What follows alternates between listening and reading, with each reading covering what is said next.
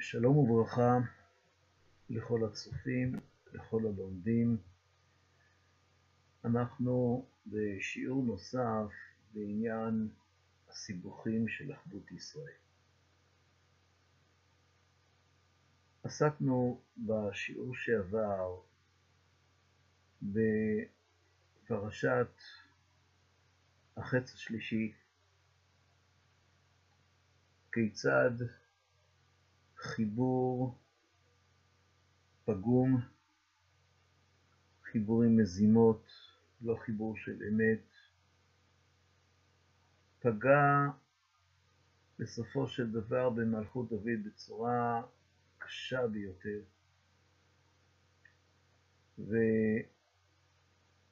ואני רוצה להמשיך מתוך הביטויים שאנחנו דיברנו עליהם בשיעור שעבר, ראינו כיצד גם בפרשת יריח עצים על ידי יונתן מופיע ארבע פעמים הביטוי חצי במקום חץ. ראינו את הביטוי הזה מופיע חצי גם באותו החץ השלישי שבו מת יהורם בן אחאב מלך ישראל, ואחריו מת גם אחזיה מלך יהודה. אני רוצה להמשיך רק כרגע לכאורה מתוך הקשר של הביטוי הזה חצי. אבל נראה שלביטוי הזה יש אה, חלונות שנפתחים והם נפתחים ומסבירים לנו פרשות גדולות וקשות. ובכן, בספר מלכים, בפרק ט"ז, מלכים א', מה שנקרא פרק ט"ז, מספר הנביא על מה שקרה בעצם אחרי ששושלת ירבעם, או בית ירבעם, הסתלקו מן הממלכה, וגם בית באשה אחריו, גם הם הסתלקו מן הממלכה. סיפור המרד של זמרי שר הרכב, ואז ישנה פרשייה קצרה שמספרת על מריבה בין שני שרי צבא שהיו בתוך צבא מלכות ישראל, ש... הפכה להיות בעצם אה, מחלוקת על הממלכה, על ממלכת ישראל. אומר שם הנביא בפרק ט"ז, פסוק כ"א, את הפסוקים הבאים. אז יחלק העם ישראל לחצי. חצי העם היה אחרי תבני בן גינת להמליכו, והחצי אחרי עומרי. הנה שוב חצי. אומנם כאן זה בכלל בכלל לא קשור לחץ, לא כמו שאצל יונתן ולא כמו שאצל יהורם, אז זה פשוט חצי. טוב, אנחנו כבר דיברנו על הקשר בין החץ לבין החצי. ובכן, חצי העם היה אחרי תבני בן והחצי אחרי עומרי. ואז ממשיך הנביא ואומר, ויחזק העם אשר אחרי עמרי את העם אשר אחרי תבני בן גילה. וימות תבני וימלוך עמרי. ובכן, הייתה יריבות בין שניהם.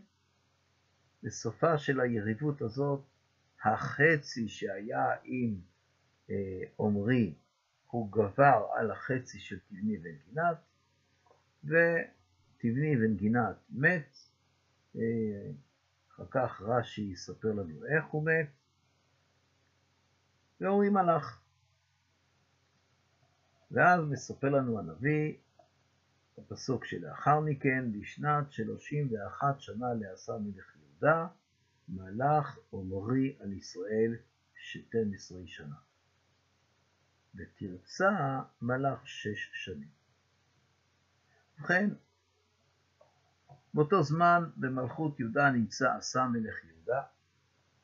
עשה זה בעצם הייתה לו מלחמה קשה עם באשה, עם אלה בן באשה מלך ישראל, והוא נאלץ, נאלץ, החליט, לקרוא לבן הדד מלך ארם כדי שיעזור לו, או ליתר דיוק, מלך ארם כרת ברית עם מלך ישראל, כנגד עשה מלך יהודה. והתחיל לחץ צבאי קשה על עשה, ואז עשה עושה איזשהו מהלך מדיני, צבאי, גדול, נותן שוחד גדול ואדיר למלך ארם. מלך ארם מפר את הברית שלו עם מלך ישראל, ואז הלחץ על עשה אה, למעשה התבטל. מלך ישראל לא יכול היה לעשות בלי העזרה של מלך ארם, וכתוצאה מזה עשה נושם לרווחה וניצל מן הסכנה הזאת של המלחמה עליו. ואז, אחרי שמת אלה בן באשה על ידי זמרי, זמרי בעצמו מת, אז אותה מחלוקת שבין תבני בן גינת לבין עמרי מלך ישראל, ועמרי מלך, זה כבר לקראת סיום מלכותו שנשא שנת 31 למלכותו של עשה. והנביא מציין כאן שעומרי מלך שש שנים בתרצה, וזה אנחנו נראה שבעצם הוא בסך הכל מלך 12 שנה. שש שנים הוא מלך בתרצה, ושש שנים מלך בשומרון, שאותה הוא בנה. ורש"י יסביר לנו עוד מעט, שפשוט מאוד שש השנים בתרצה היו שש השנים שבהן הייתה מלחמה בינו לבין תבני בן גינת, והוא נאלץ להיות בתרצה, והוא לא הצליח בעצם להגיע, לשלוט בכל אה, מלכות ישראל. ואז אחרי שסוף סוף גבר על תבני בן גינת, אז הוא למעשה עבר לשומרון, בנה את שומרון והקים שם את בירתו. אז למעשה שש שנים בתרצה ושש שנים בשומרון. מכאן אנחנו עוברים בעצם לפרשייה אחרת, לכאורה. בהמשך ספר מלכים, בפרק ט', מופיע המשך השתלשלות מלכות ישראל, ושם כתוב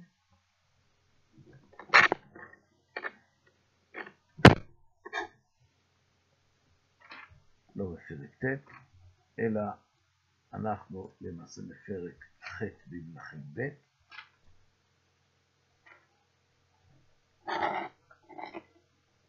אומר כאן הנביא, בשנת 12 שנה ליורם בן אחאב מלך ישראל, מלך אחזיהו בן יהורם מלך יהודה. בן 22 שנה אחזיהו במולכו, ושנה אחת מלך בירושלים, ושם אמו עתליהו ובת עמרי מלך ישראל.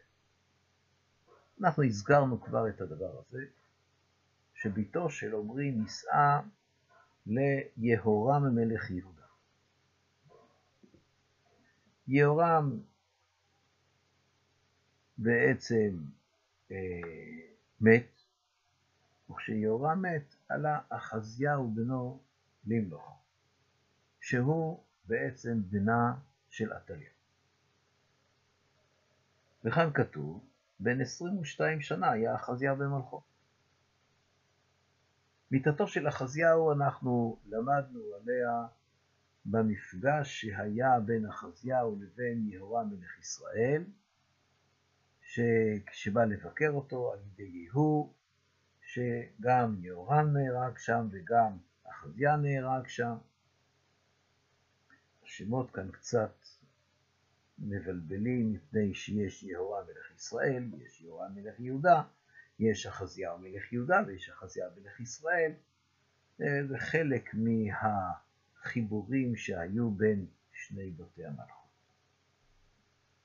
ובכן, על הפסוק הזה, שכתוב שאחזיה היה בן 22 בזמן שמלך, אה, שעלה למלכות במקום אביו יהורם, אומר רש"י את הדברים הבאים. כאן הוא אומר בן 22 שנה חזיהו במלכו. אבל בדברי הימים, בדיוק באותה פרשייה, שבה למעשה עזרא הסופר שכתב את ספר דברי הימים מתאר את עלייתו של החזייה. ושם כתוב בן 42 שנה היה במולכו. כאן כתוב בן 22 שנה היה שם בדברי כתוב בן 42.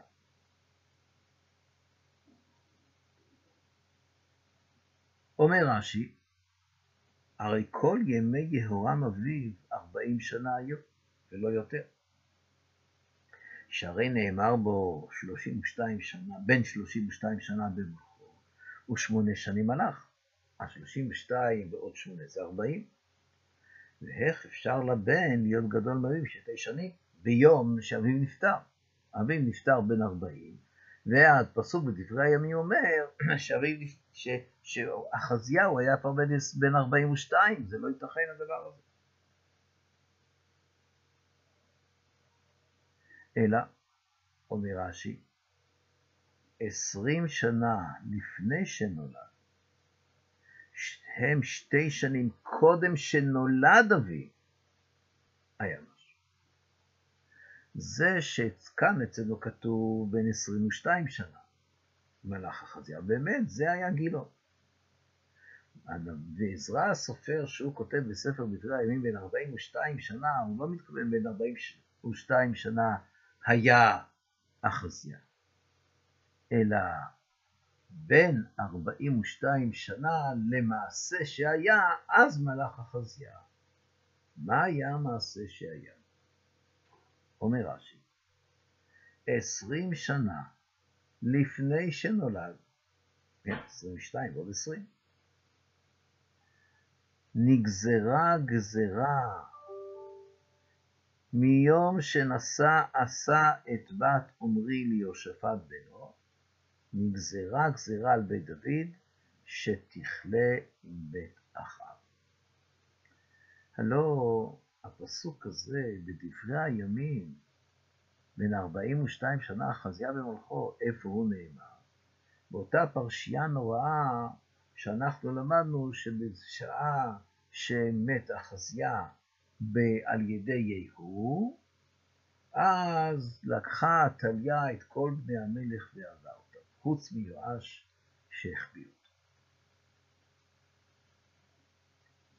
אומר רש"י, שמפני שעזרא הסופר רוצה לומר לנו שכל הסיפור הזה של הריגת בני דוד זה קשור לגזרה שנגזרה מפני שהייתה חתונה לא בין ביתו של אחאב ליהורם מלך יהודה. לא מדובר על החתונה של עתליה עם יהורם, שהבן שלה הוא אחזיה. הייתה חתונה אחרת.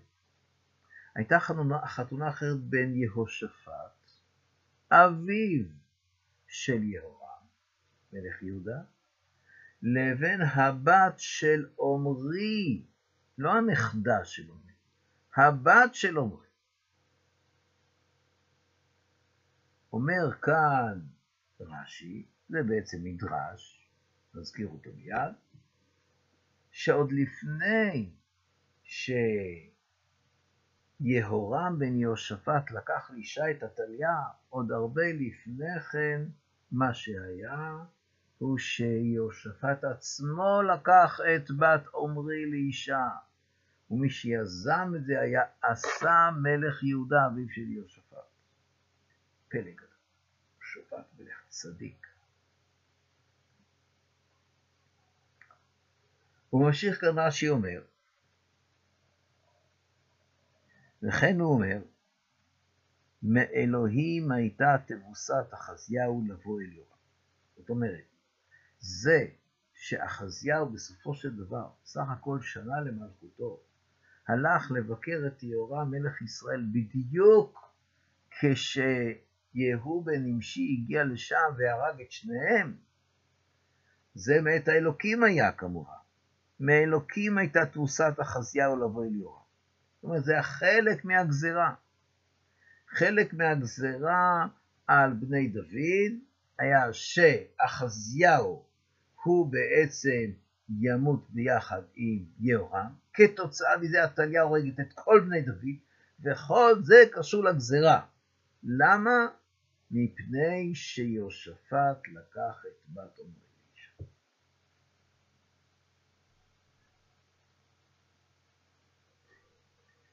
כך אומר רש"י, שנויה בסדר עולם רב. זהו מדרש, אה, מדרש אגדה, שלמעשה מביא את שיטתם של לפחות רוב רבותינו על כל הכרונולוגיה של עם ישראל מאז בריאת העולם. והמדרש הזה, סדר עולם, משהו מופלא במינו. ועל זה אומר, כך שנויה בסדר עולם, וגם בתוספתא של מסכת ספר. אז מחשה רש"י, אך בכל המקרא לא מצינו שנשא יהושפט את בת עמרי. אך מצאתי בדברי הימים, בפרשייה שבה מתוארת עלייתו של יהושפט יחד עם אחאב למלחמה ברמות גלעד, אותה מלחמה שבה נהרג אחאב בחץ. כתוב שם בתחילת העניין, ויתחתן לאחאב, ושמא זוהי אחותו שנשא.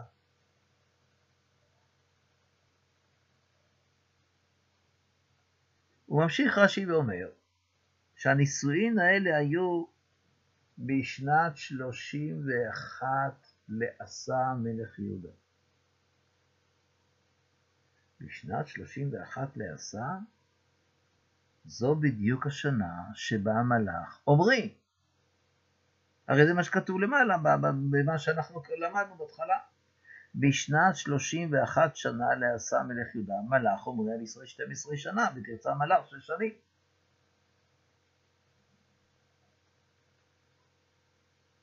אז אומר רש"י, שהחתונה הזאת של יהושפט עם בתו של עמרי, אחות אחאב, הייתה לא כשיהושפט עלה עם אחאב למלחמה, זה רק מוזכר שם. באמת זה היה הרבה לפני כן, בזמן שעמרי אביו של אחאב מלך, תחילת מלכותו, בשנת 31 לעשר. ושוב ממשיך רש"י ומצטט את סדר עולם. ושנינו בסדר עולם, שמלך עומרי מלכות שלמה, שהרי שש שנים קודם לכן מלך על חצי העם. וכשנשא עשה את ביתו ליהושפט, נתעלה עומרי והרג את תבני. צא וחשור משנת 31 לעשה אדמות אחזיהו ותמצאם 42. ובכן רש"י, הכל מספרים, לכאורה, מה, מה זה כל כך חשוב לנו כל הסיפור, המספרים זה מלאך וכמה שנים, והנה, תראו, אחד הסודות הגדולים שהולך להתגלות כאן. אומר רש"י, שמשנת 31 לעשה ועד מותו של אחזיה תמצא 42 שנה. אומר רש"י, מותו של אחזיה קשור למה שהיה כאן בין עשה לבין עמרי.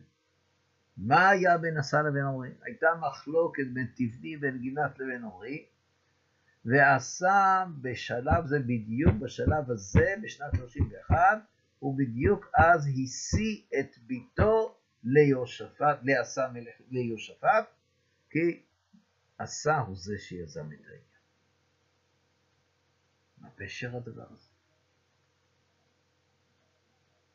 ובכן,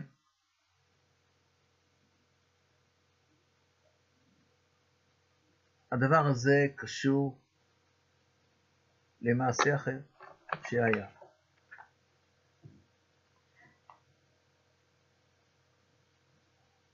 בדברי הימים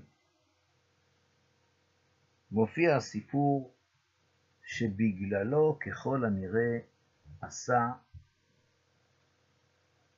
השיא את ביתו, אה, השיא את בנו לביתו שלו. באשה המלך ישראל עולה ותוקף את עשה, כפי שהזכרנו בהתחלה. ואז עשה לוקח כסף וזהב ושוחד גדול, ויוצא אסף כסף וזהב מאוצרות בית השם ובית המלך. וישלח אל בן הדד מלך ארם היושב בדרמסק לאמור, ברית ביני וביניך, ובין אבי ובין אביך, הנה שלחתי לך כסף וזהב לך, הפר בריתך את באשה מלך ישראל, ויעלה מעליו. אמנם כאן כתוב שזה היה בשנת 36 לעשה, לא בשנת 31 לעשה. כנראה יש כאן איזה הפרש של איזה חמש וחצי שנים, שש שנים. וישמע בן הדד אל המלך עשה וישלח את שרי החיילים אשר לו אל ערי ישראל ויכו את איון ואת דן ואת אבל מים ואת כל מסכנות ערי נפתלי במקום שהוא כרת ברית בהתחלה עם מלך ישראל כנגד עשה, השער הוא פתאום תוקף את צפון הארץ, חומס אותה, שודד אותה. ויהי כשמוע באשה ויחדל מבנות את הרמה וישבת את מלאכתו.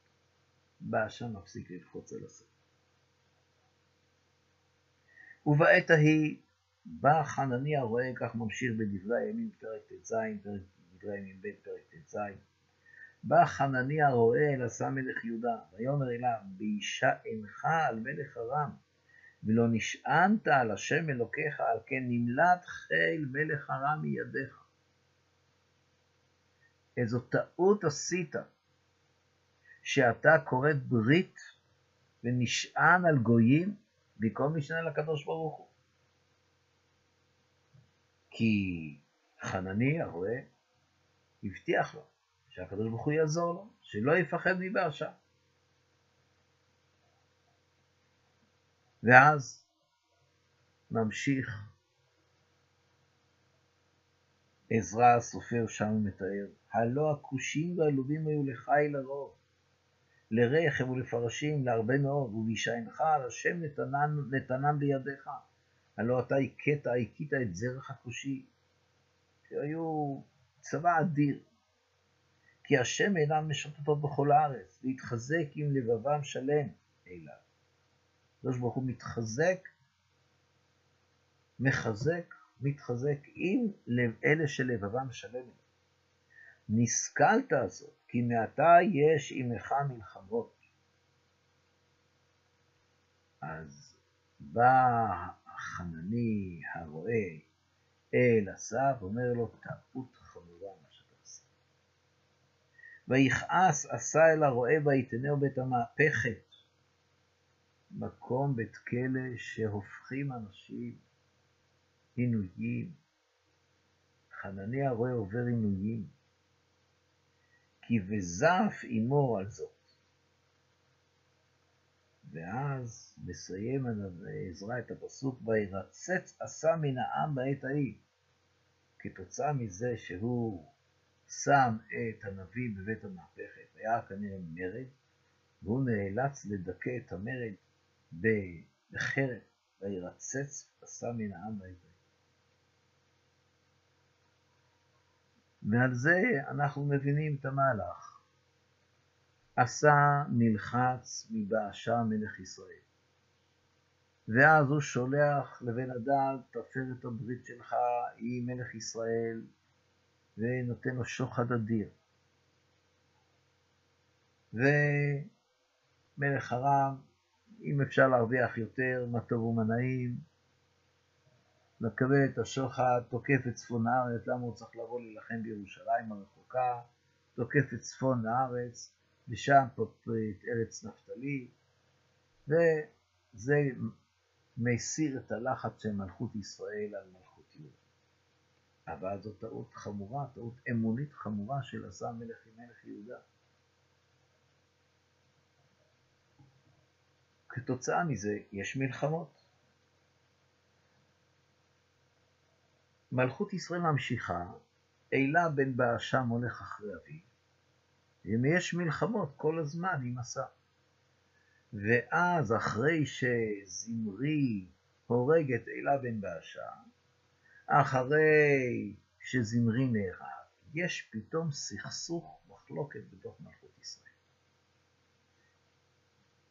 ואז שש שנים אחרי שהתחילה המחלוקת הזאת, עשה, עושה מהלך. הוא מחליט להמר על הקלף של עומרי. הוא, במצב הנוכחי, אפשר לנצל את זה שבתוך מלכות ישראל יש מריבה, ואז לא רק הלחץ עליו פחד, אלא עכשיו הוא מבטיח לעצמו ברית והסכם. הוא מצליח להעביר את מלך ישראל לצד שלו. הוא אומר, אני אשיא את ביתי, אה, אני אקח את, אה, הבן, את בתך, אני אתן לבן שלי, ואז יש, אנחנו בצד אחד, אין יותר מלחמות. השר רוצה להבטיח את האגף הצפוני שלו מפני המלחמה המתמדת עם מלכות ישראל. מאז שירובעם נבט עלה, יש מלחמות כל הזמן. והנה מהלך מדיני מבריק. הוא מצליח, הוא מנצל את ההזדמנות הזאת של חצי העם זה מול זה, הוא אומר, טוב, אם אני אעשה עכשיו ברית עם אחד ממי שהוא יכול להיות מלך ישראל, אולי אני בהמשך מצליח לסדר לעצמי הסכם מדיני ושלום על ישראל. לישראל או ליהודה? נו, מה מתברר? החתונה הזאת של יהושפט עם בת עומרי, היא הביאה חתונה נוספת. היא הביאה חתונה של הבן שלו, של יהורם, עם הבת של אחיו, עם עתליה. הנישואין האלה של יהורם עם עתליה, הם הביאו באמת לחצי עם ישראל. עתליה הורגת את כל בני המלך, והעניין הזה בעצם גורם לזה שמלכות ישראל משתלטת על מלכות בדוד. ואילולי הנס הגדול של יואש, הלכה מלכות בדוד. והגזרה הזאת היא גזרה שהיא קשה מאוד. באמת, בדברי הימים כתוב שהקשר בין יהושפט לבין בית אחאב המשיך כמובן גם אחרי שמת אחאב, באותה מלחמה שבה יהושפט היה איתו. שוב, ההסכמים המדיניים האלה באמת היה שלום, אבל שלום רק על ישראל, לא על יהודה. אבל מה כתוב? בדברי הימים בפרק כ' כתוב ואחרי כן את חבר יהושפט מלך יהודה עם אחזיה מלך ישראל הוא הרשיע לעשות. אחזיה הרשיע לעשות. ויהושפט מתחבר עם אחזיה. אחזיה בן אחאב, הוא מלך לפני יהורם בן אחאב, הוא מלך רק שנתיים. ויחברהו עמו לעשות אוניות ללכת תרשיש, ויעשו אוניות בעציון גבר. מפרץ אילת, עושים אוניות, ללכת תרשיש, להביא דברים יקרים. ויתנבא אליעזר בן דודבה וממר אישה ליהושפט לאמור, כי התחברך עם אחזיהו פרס השם את מעשיך. וישברו אוניות ולא עצרו ללכת לתרשיש. התוכנית הגדולה אז זאת תוכנית ענק. להעשיר את אוצר המלכים מכל המלחמות שרוקנו את הקופה הציבורית. מבצע של אוניות שילכו לתרשיש, שם ייקחו,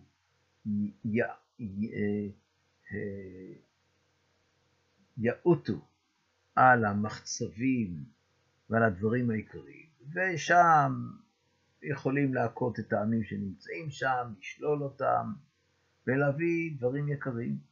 זה כבר מזמן שלמה ידוע ששם דברים באפריקה יש דברים יקרים, בתרשיש. ואז עושים את הדבר הזה, אומר לו אליעזר בן דודבהו ממראי שער, שוב בא הנביא ואומר לו פרץ השם את מעשה. ונשברו האוניות. הפרויקט הזה נכשל. אבל מה שאנחנו מבינים זה לא רק שהתפרץ השם את מעשיו של יהושפט, זה מהלך שנמשך ובתוצאה ממנו, כתוצאה ממנו, אסון נורא ואיום. המהלכים של עשה ושל יהושפט להתחבר עם מלכות ישראל היו מהלכים שהם טעות נורא, והם המיתו אסון כמעט טוטאלי על מלכות דוד. הקשר הזה, ובאמת, כפי שאנחנו ראינו, אז חנני הרועה באמת בא והוכיח את עשה על המעשה שעשה. יהושפט היה צדיק יותר נביא בדבר הזה, הוא לא פגע בנביא. אבל חנני שילם על זה תשלום קשה מאוד, את המהפכה.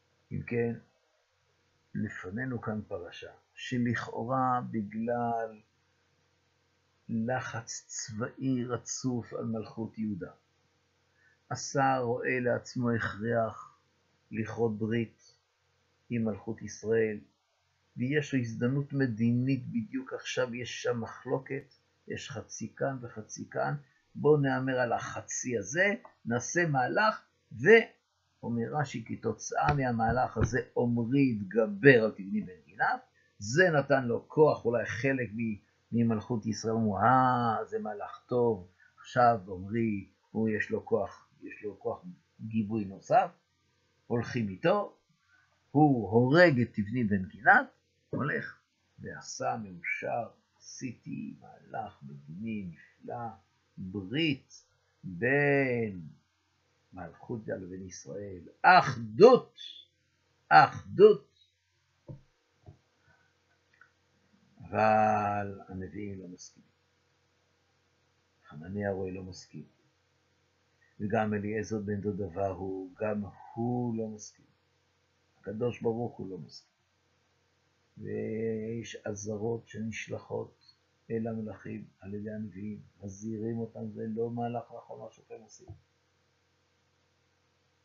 אז אם אנחנו דיברנו על כך שבאמת יש כאן סכנה גדולה, אז מתברר שיש כאן באמת כביכול ניסיון של אחדות, וזה מה שרומז יונתן לדוד לפי מה שרציתי להסביר את שלושת החיצים. היא תהיה פרשייה כואבת מאוד, של ניסיון של אחדות, אבל לא אחדות של אמת, אחדות של שקר, של רמאות, של השתדות, שהיא איננה אחדות באמת. אבל זה לא כל העניין. עדיין כאן פתאום יפתח לנו עכשיו חלון נוסף. אני עובר עכשיו לתחילת ספר מלכים. בתחילת ספר מלכים מתוארת קריאת הממלכה שבה נקרעת מלכות דוד ושלמה בימי, בתחילת מלכות רחבעם, מרד של שבטי ישראל בגלל המיסים הגבוהים, וקוראים לירובעם בן נבט ממצרים כדי שיבוא בעצם להנהיג את המרד הזה. ואז אחיה השילוני נותן בעצם את החותמת, הייתה גושפנקה לירובעם בן נבט לחתוך את הממלכה. ולכאורה, כאילו, טוב, נו, מה זה קשור? כבר למדנו זה, בואו נראה שיש כאן קשר מפלא. במלכים א', בפרק י"א כתוב, שאומר אחיה השילוני לירובעם בן נבט על שלמה, ולא אקח את כל הממלכה מידו, פרק י"א פסוק ל"ד. כי נשיא אשיתנו כל ימי חייו, למען דוד עבדי אשר בחרתי אותו, אשר שמר מצוותיי וחוקותיי. ולקחתי המלוכה מיד בנו ונתתיה לך את עשרת השבטים. ולבנו אתן שבט אחד למען היות ניר לדוד עבדי, כל הימים לפניי בירושלים, העיר אשר בחרתי לי לשום שלי שם. אז שבט אחד יישאר עם דוד, בשביל ניר, נר, יורש, פירושים שונים. ואותך אקח ומלאכת בכל אשר תהווה נפשך, והיית מלך על ישראל. ידוע. עכשיו כאן בא הפסוק שהוא פותח שני פסוקים שהם פותחים איזשהו סימן שאלה. והיה אם תשמע את כל אשר אצווך, והלכת בדרכי ועשית הישר בעיניי לשמור חוקותיי ומצוותיי כאשר עשה דוד עבדי. והייתי עמך ובניתי לך בית נאמן כאשר בניתי לדוד ונתתי לך את ישראל. וכבר כבר המפרשים שואלים איך זה יכול להיות, הרי מלכות נצח הובטחה לדוד, איך זה יכול להיות שעכשיו הוא מבטיח את זה לירובעם? אבל התשובה היא בפסוק הבא. ואענה את זרע דוד, ואענה יעינוי את זרע דוד, למען זאת, אך לא כל הימים. לא כל הימים. זאת אומרת, בית נאמן, יהיה לך בית נאמן בתוך מלכות ישראל, אבל זה יהיה מוגבל, לא כל הימים. והנה רש"י והפסוק הזה בא ומספר לנו סוד גדול. א', הוא אומר, לא כל הימים, כי לימות המשיח תשוב המלוכה אליו. אבל בא כאן פותח רש"י שוב את סדר עולם, הוא אומר, ובסדר עולם מצאתי ואענה את זרע דוד זאת, כנגד שלושים ושש שנה שנתחתן שלמה את בת פרעה, שנשאה בשנה הרביעית למען. וכנגדו נגזרה גזירה על מלכות דוד להיחלק. זאת אומרת, שלמה אחרי ארבע שנים במלכותו נשא את בת פרעה, הוא מלך ארבעים שנה, שלושים שנה הוא מלך. על כן נגזרה על מלכות דוד להיחלק לשלושים ושש שנה. וראויה הייתה המלכות לחזור בימי עשה בשנת שש עשרה למולכו. אלא שקלקל לשלוח שוחד למלך ארם, ולא שמח על הקדוש ברוך הוא. וואו, תראו מה שאנחנו מגלים כאן. אותו קלקול, אותו כישלון שהוא שלח למלך ארם בשביל לעשות ברית ולא שמח על הקדוש ברוך הוא, זה היה בדיוק בפרק הזמן שבו ככל הנראה היה אמורה, הייתה אמורה חלוקת הממלכה להסתיים, ומלכות בית דוד הייתה אמורה למלוך מחדש על כל ישראל. למרות שזה היה משהו הפוך. עשה בלחץ, ובאשה לוחץ אותו, הוא מרוב פחד, הוא צריך, הוא קורא למלך ארם. אז מתברר שלא הכל בדיוק מובן. לפי המאורעות הפשוטים. באמת, ההיסטוריה הפשוטה אומרת, וואי, עשה בלחץ. אבל אומר המדרש, הקדוש ברוך הוא הבטיח לך, אל תעשה שום דבר, אל תתחיל לעשות הסכמים פוליטיים, יש לך הבטחה. לא בהכרח שכתוב שבהבטחה שהוא יזכה לכל מלכות אה, ישראל, אבל השם הבטיח להגן עליו. אבל הוא קלקל לשלוח שוחד למלך ארם, ולא סמר על הקדוש ברוך הוא. והוא שנאמר בשנת 36 למלכות עשה, בנה באשה את הרמה. ואי אפשר, שהרי עשה קבר את באשה בשנת כ"ה למלכותו, לא שעשה קבר אותו, כי הוא לא היה בחברה קדישא של שומרון, אלא של תרצה, אלא שהכוונה היא שהוא בשנת 26 למלכותו היה מת כבר באשה, אלא ט"ז שנה שלו הוא קורא 36, אל סוף 36 לחנוכת המלכות. והגיד הכתוב שבאותה שנה קלקל עשה. זאת אומרת שמה שכתוב בהבטחת אחיה השילוני לירובעם בן נבט, אך לא כל הימים, הכוונה היא 36 שנה. זה בדיוק אותו זמן, אותו סיפור של הברית הקלוקלת בין עשה לבין מלך ארם, שלכאורה זה ממש היה מהלך טוב, הציל את מלכות יהודה מהלחץ של ארם ושל מלך ישראל, הציל את ירושלים, אומר סדר עולם טעו, היית יכול עכשיו לקבל את כל הממלכה. זאת אומרת, אם באשה, או יותר ליתר דיוק בנו של באשה, אלה, באשה כבר מת, אלה היה מגיע למלא, על הרמה, הוא איים על הרמה, העיירה אל-רם שנמצאת מצפון לירושלים, הוא נכנס, הוא כבש את הרמה מידי מלך יהודה, ואז הוא מאיים על ירושלים. אילו זה היה קורה, אלה היה נופל, וכל מלכות ישראל הייתה חוזרת חזרה לעשה מלך יהודה. והממלכה הייתה מתאחדת. תגיד, טוב, מאיפה הוא יכול לדעת? נכון, הוא איננו יכול לדעת. אבל הקדוש ברוך הוא מבטיח, הוא לא הבטיח, לא כתוב שהוא הבטיח לו את המלכות של כל מלכות ישראל, אבל הוא הבטיח לו את ההצלה מבאשה מלך ישראל, מאלה בן באשה מלך ישראל. אם כך, עכשיו אנחנו מבינים. עשה באמת ניצל על ידי מלך הרע, אבל הוא מצב לא כל כך פשוט. כי מלכות ישראל לא נפלה, הוא התקוף, אזור נחלת נפתלי הותקף בידי הארמים, אבל מלכות ישראל בתרצה הייתה קיימת. עשה פוחד. איך זה יימשך? המלחמה נמשכת. ואז מתרחש אותו הסיפור של חצי עם ישראל, וחצי עם ישראל, תבני בן גינת ועומרי מלך ישראל, וואי, עכשיו זאת הזדמנות. עכשיו אני עושה, הנה, עכשיו אני סוגר את הים.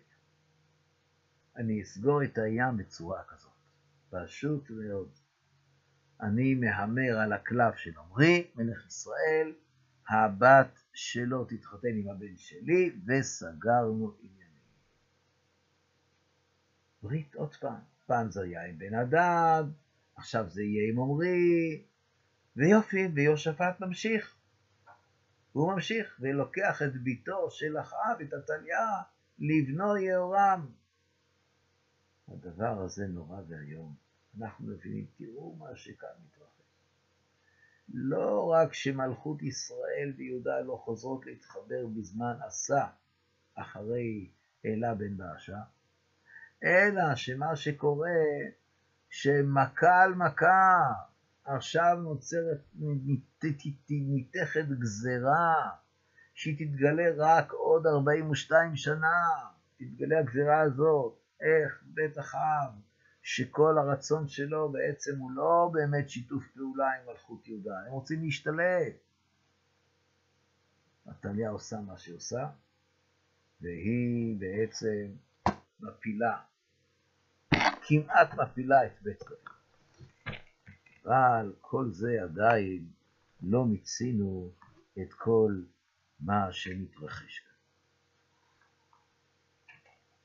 מפני שעוד פרשייה לפנינו, וזה אנחנו נסיים. גם היא מדברי הימים.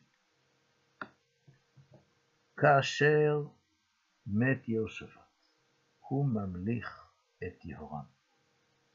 כתוב בדברי הימים ב' פרק כ"א וישכב יהושפט עם אבותיו ויקבר עם אבותיו בעיר דוד וימלוך יהורם בנו תחתיו. ולא אחים בני יהושפט עזריה ויחיאל וזכריהו ועזריהו ועזריהו ומיכאל ושפטיהו כל אלה בני יהושפט מלך ישראל. ויתן להם אביהם מתנות רבות, לכסף ולזהב ולמגדנות, אם הרי מצורות ביהודה, ואת הממלכה נתן ליורם כי הוא הבכור. הם כולם מקבלים נחלות בגבולות, ערי מצורות, מצר של גבול. את הממלכה הוא נותן ליורם. ויקום יהורם על ממלכת אביו, ויתחזק. לא כל כך. ויהרוג את כל אחיו בחרב וגם משרי ישראל. בן שלושים ושתיים שנה יהורם במולכו ושמונה שנים הלך בירושלים. וילך בדרך מלכי ישראל כאשר עשו בית אחאב, כי בת אחאב הייתה לו אישה, ויעשה רע בעיני השם. אתם שומעים מה קרה כאן? עתליה היא לא ראשונה. הבת שלה עושה אותו דבר, הרג את כל האחים שלו. הרי נתנו לך את המלוכה. מה אתה רוצה? מה אכפת לך? האחים קיבלו חלק שלהם, אתה הבכור, אין מחלוקת.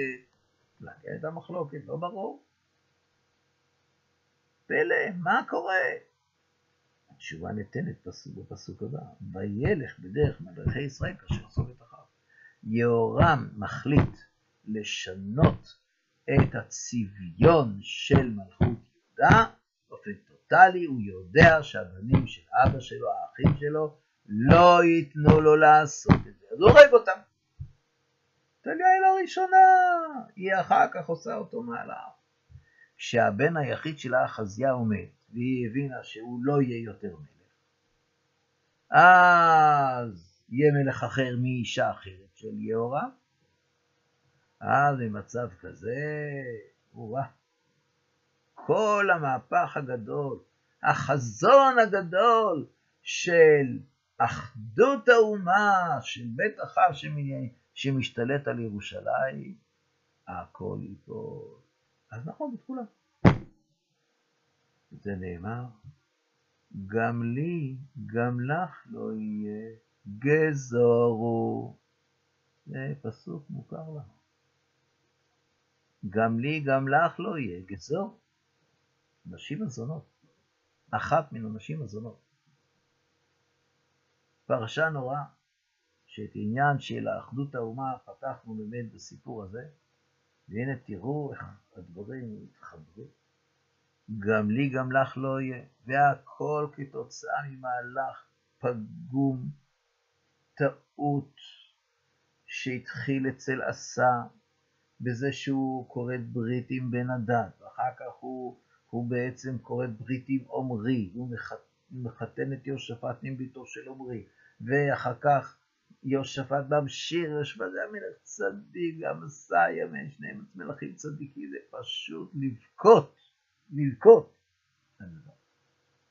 והתוצאה של הדבר הזה, של הדברים האלה, דברים נוראים. מלכות בית דוד כמעט נעלמה לחלוטין, בלולי העניין הזה של יואש, שהוא ניצל בזכות אחותו וגיסו הכהן הגדול יהוידע.